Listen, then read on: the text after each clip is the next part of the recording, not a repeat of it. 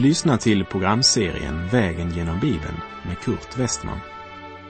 Programmet sänds av Transworld Radio och produceras av Norea Radio Sverige.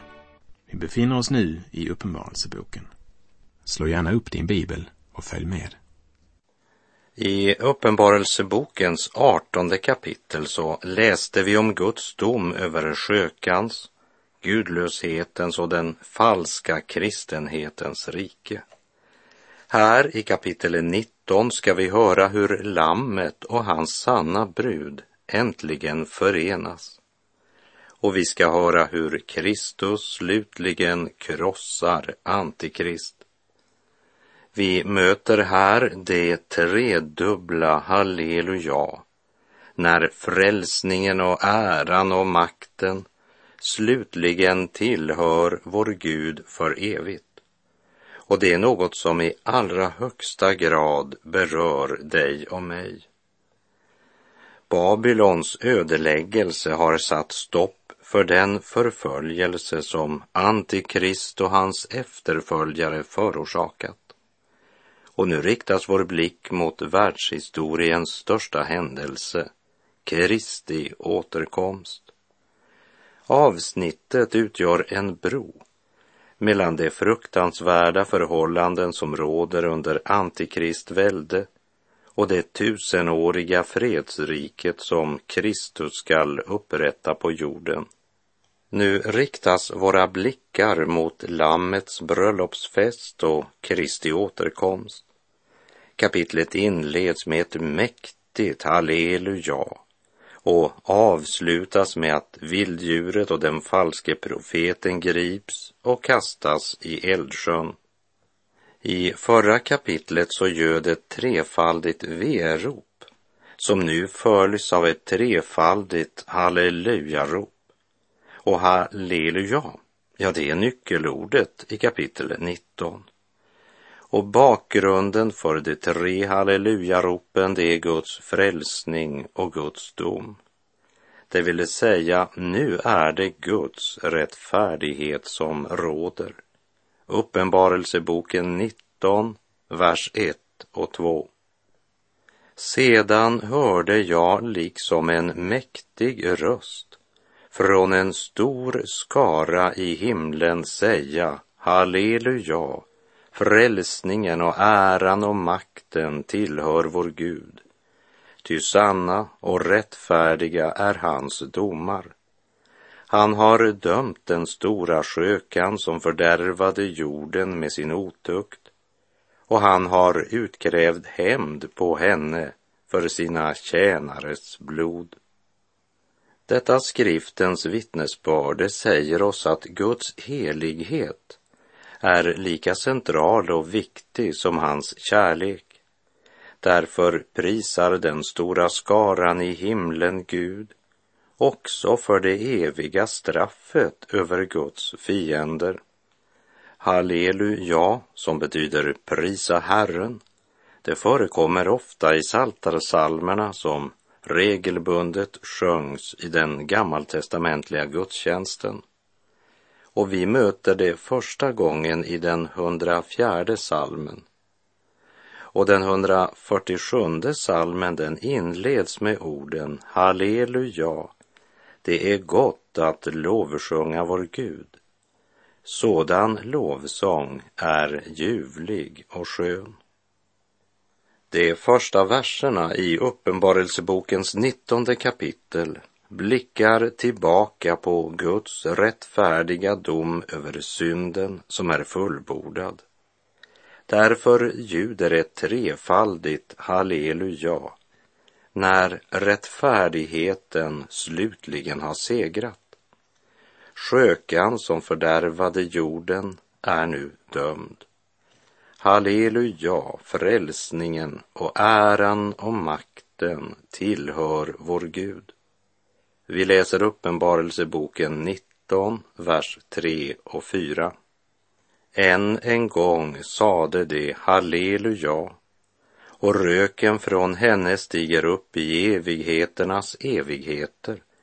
Och de 24 äldste och de fyra väsendena föll ner och tillbad Gud som sitter på tronen De sade amen, halleluja. Först stämmer den stora skaran i himlen upp sitt halleluja. Därefter instämmer de 24 äldste vid Guds tron i hallelujaropet. Vi minns från Johannes syn i kapitel 15 där han såg liksom ett glashav blandat med eld. Och på glashavet såg han dem som hade vunnit seger över vilddjuret och dess bild och dess namns tal. Och de hade Guds harpor i händerna. Och det sjöng Moses, Guds tjänares sång, och sången till Lammet. Det vill säga inför Guds dom över synden sammanliknas församlingens situation med israeliternas situation då de befriades från Egyptens träldom.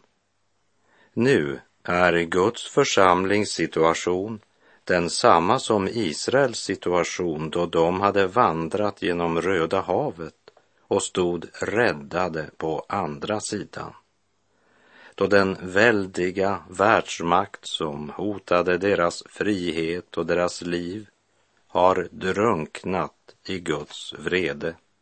Det som såg ut som om det skulle bli Guds barns undergång blev i verkligheten deras räddning. Församlingens lidande är slut och nu ljuder ett starkt och trefaldigt halleluja vi läser Uppenbarelseboken 19, vers 5. Och från tronen kom det en röst som sade Prisa vår Gud, alla hans tjänare, ni som fruktar honom, både små och stora. Det är så gott att älska Gud som först har älskat oss. Så gott att vara Kristi brud och slippa att förgås. All världens fröjd en ände tar, Guds källa flödar evigt klar. Halleluja, halleluja, halleluja, vår Gud.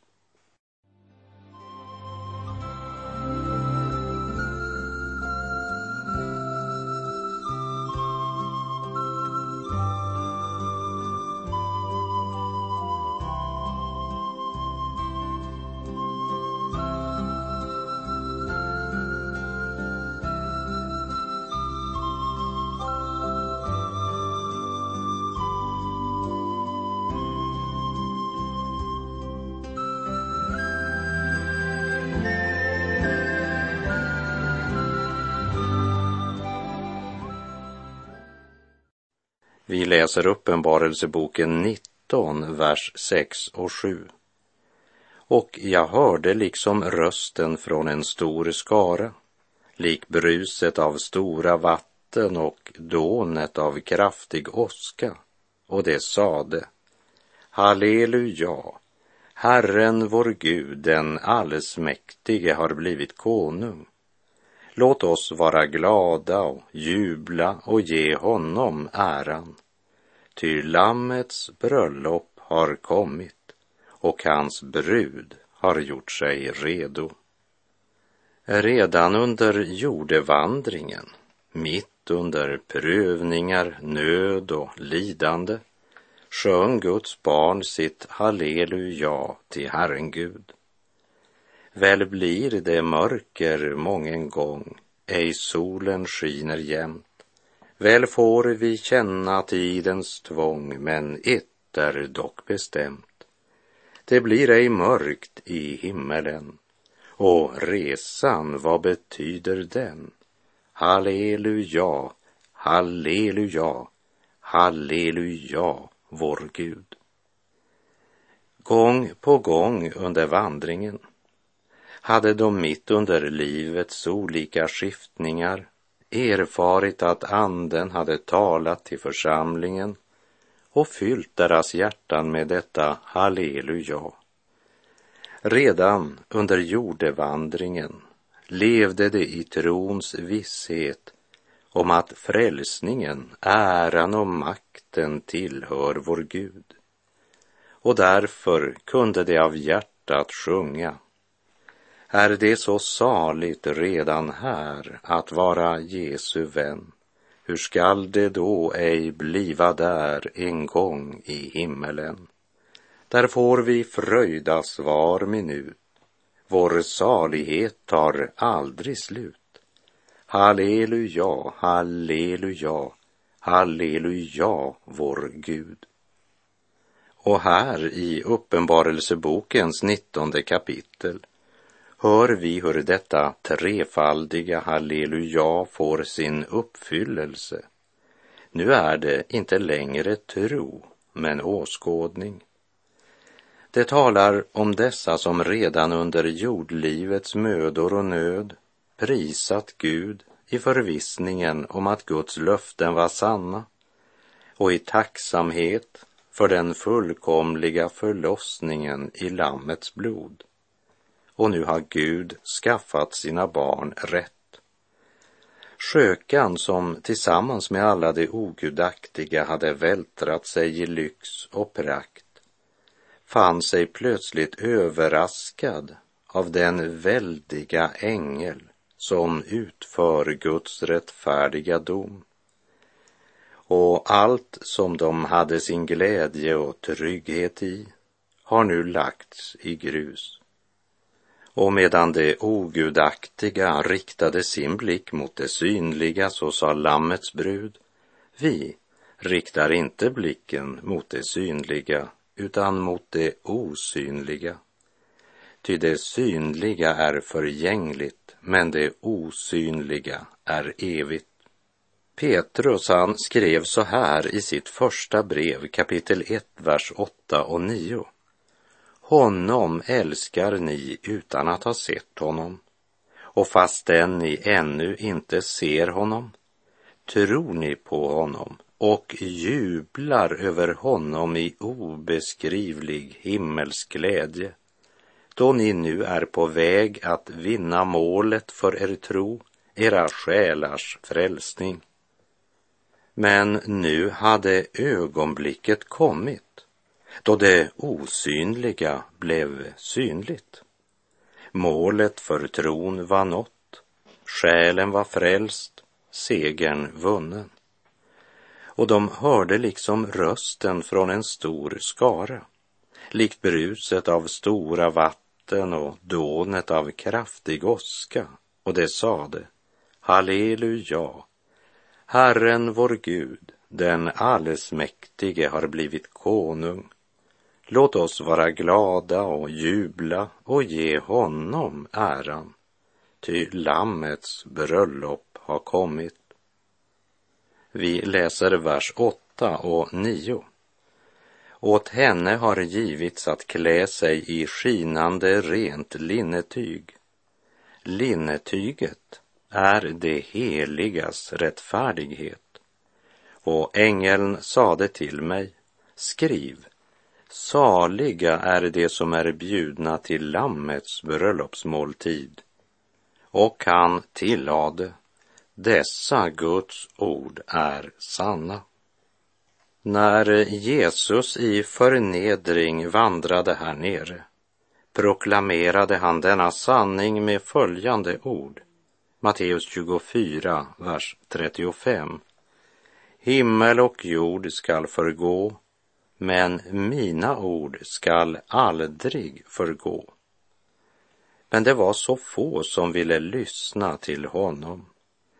Den fallna människan ville inte tro sanningen utan älskade halvsanningen, lögnen och egoismen. Jesus han uttryckte det så här i Johannes 8, vers 44 och 45. Ni har djävulen till er fader och vad er fader har begär till, det vill ni göra. Han har varit en mördare från början och har aldrig stått på sanningens sida eftersom sanning inte finns i honom.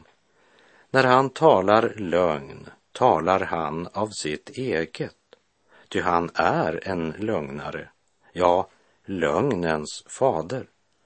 Men mig tror ni inte, därför att jag säger er sanningen. Men nu är synden och lögnen avslöjade. Lögnens första är krossad och det är dags för Lammets bröllop. Lammets bröllop har kommit och hans brud har gjort sig redo. Hur har bruden gjort sig redo? Genom att ta emot den rättfärdighetsdräkt som Gud skänkt oss i Kristus Jesus. Uppenbarelseboken 19, vers 8 säger Åt henne har givits att klä sig i skinande rent linnetyg. Linnetyget är det heligas rättfärdighet. Och denna rättfärdighet den beskriver Paulus så här i Filipperbrevet 3, verserna 7 till och med 9. Men allt det som var en vinst för mig räknar jag nu som förlust för Kristi skull. Ja, jag räknar allt som förlust därför att jag har funnit det som är långt mer värt kunskapen om Kristus, Jesus, min Herre. För hans skull har jag förlorat allt och räknar det som avskräde för att jag ska kunna vinna Kristus och bli funnen i honom.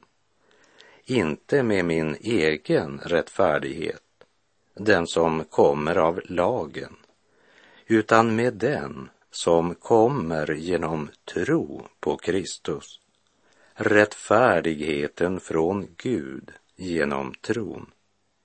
Paulus religiösa iver blev genom Guds ord, evangeliet och Andens uppenbarelse avslöjat som köttets gärningar. Därför vill också Paulus gärna förklara att det han nu kämpar för handlar inte om att han nu har anammat en ny idé Ungefär som när en person byter politiskt parti. Men förr så levde och kämpade han för en religion. Nu så lever han i gemenskap med en person, nämligen Jesus Kristus. Och hans personliga relation till den personen har vänt upp och ner på precis allt. Livet, döden, evigheten, absolut allt. Paulus har blivit född på nytt. Guds ande är utgjuten i hans hjärta och det har öppnat hans ögon. Han förstod att det är inte bara ogudaktiga människors ondska och uppenbara synder som är en styggelse för Gud, men även den naturliga människans religiösa verksamhet är en styggelse eftersom det inte är något annat än köttet. Och det som är fött av kött är kött och det som är fött av anden är ande, sa Jesus när han undervisade Nikodemus. Det står i Johannes 3, vers 6. Så det skinande, rena linnetyget, det heligas rättfärdighet, det var något det mottagit av Gud som en fri gåva, det vill säga av nåd. Eller som det är uttryckt i Uppenbarelseboken 19.8. Åt henne har givits att klä sig i skinande rent linnetyg. Linnetyget är det heligas rättfärdighet.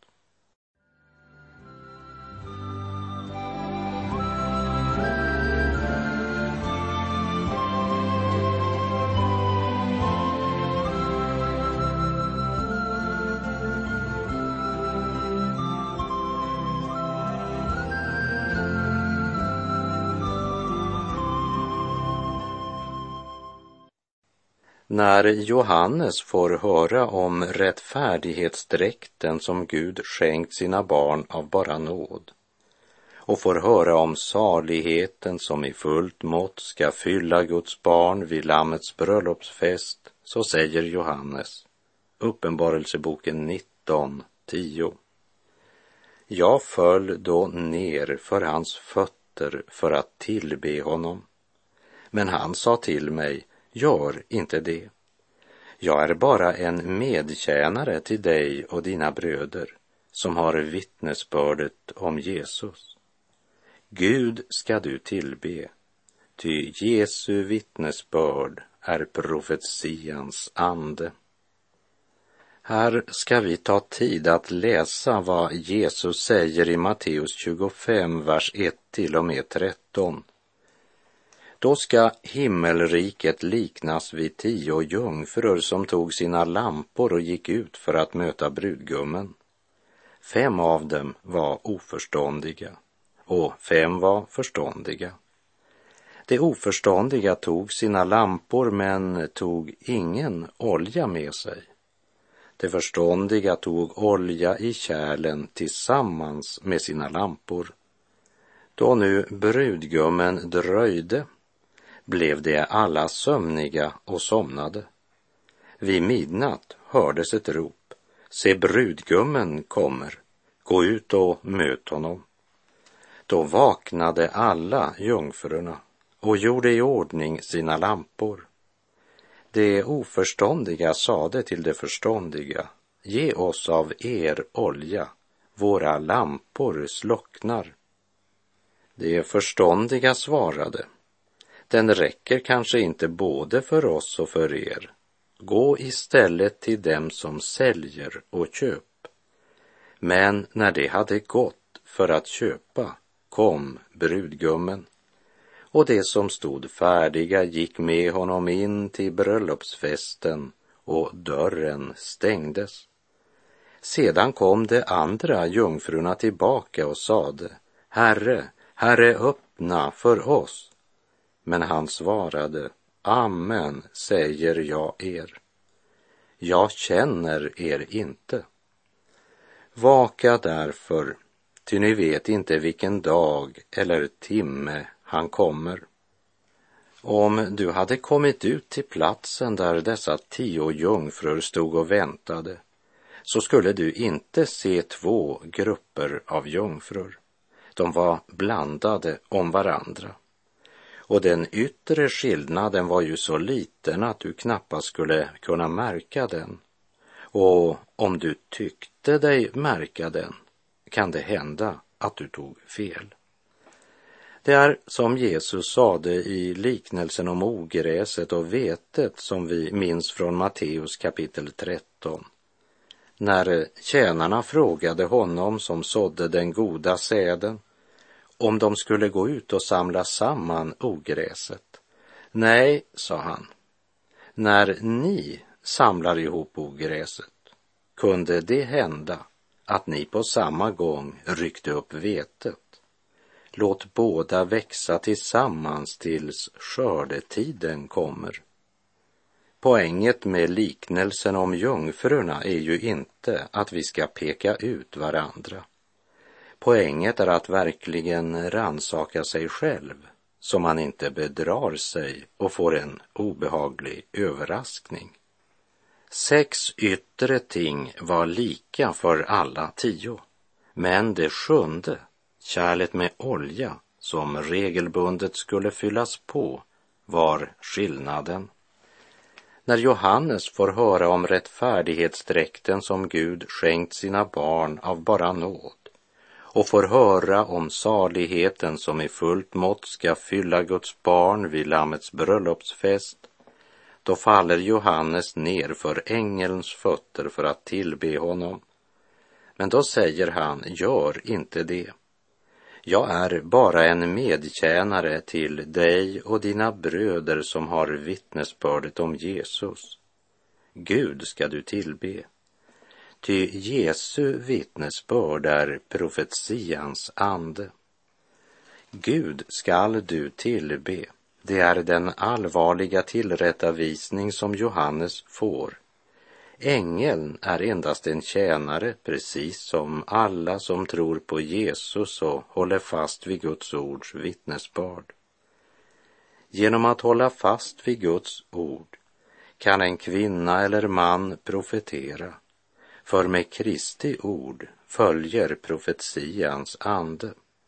I Johannes 6, 63 säger Jesus, det är anden som ger liv, köttet är inte till någon nytta. Det ord som jag har talat till er är ande och liv. Det som kännetecknar bruden är att hon älskar brudgummen. Hon har sin glädje i att han har utvalt henne att tillhöra honom och hon har sagt sitt ja till honom. Och jordlivet är en trolovningstid och en förlovning kan ju brytas men det gudomliga äktenskapet är oupplösligt. Och vid Lammets bröllop blir föreningen mellan brud och brudgum fullkomlig. Brudens hela längtan står till detta ögonblick. Därför är det naturligt att Guds barn lever i förväntan på Kristi ankomst. Därför talar och tänker hon mycket på detta. Lammets brud älskar Jesu återkomst. Och nu är det dig och mig det gäller. Är det ditt och mitt kännetecken? Är det Jesu återkomst som upptar våra tankar? Talar vi ofta om Jesu återkomst? Lever vi i Guds fruktan och helgelse? Den orättfärdige må fortsätta att göra orätt, den orene att orena sig, den rättfärdige må fortsätta att göra vad som är rätt och den helige att helga sig, säger Uppenbarelsebokens sista kapitel. Och Paulus skriver följande förmaning i Andra Korinthierbrevet 7. Då vi alltså har dessa löften, mina älskade, så låt oss rena oss från all besmittelse från kött och ande och i Guds fruktan fullborda vår helgelse. Och i Romarbrevet 3 får vi veta att ingen människa förklaras rättfärdig inför Gud genom laggärningar. Genom lagen ges insikt om synd, men nu har utan lagen en rättfärdighet från Gud blivit uppenbarad en som lagen och profeterna vittnar om, en rättfärdighet från Gud genom tro på Jesus Kristus för alla som tror. Ty här finns ingen skillnad. Alla har syndat och saknar härligheten från Gud och det står som rättfärdiga utan att ha förtjänat det av hans nåd därför att Kristus Jesus har friköpt dem. Och med det så är vår tid ute för den här gången. Och vi avslutar med att repetera vers 7 och 8 i Uppenbarelsebokens 19 kapitel. Låt oss vara glada och jubla och ge honom äran. Ty Lammets bröllop har kommit och hans brud har gjort sig redo. Åt henne har givits att klä sig i skinande rent linnetyg. Linnetyget är det heligas rättfärdighet. Herren vare med dig, må hans välsignelse vila över dig. Gud är god och hans rike består i evighet. Halleluja.